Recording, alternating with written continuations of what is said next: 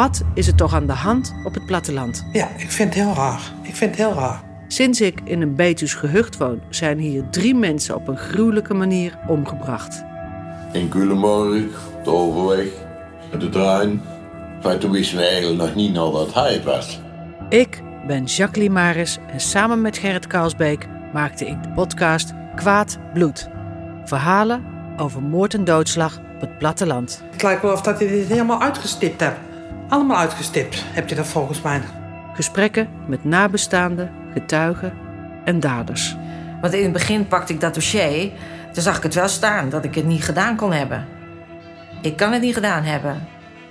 Kwaad Bloed is een podcast van VPRO en NPO Radio 1.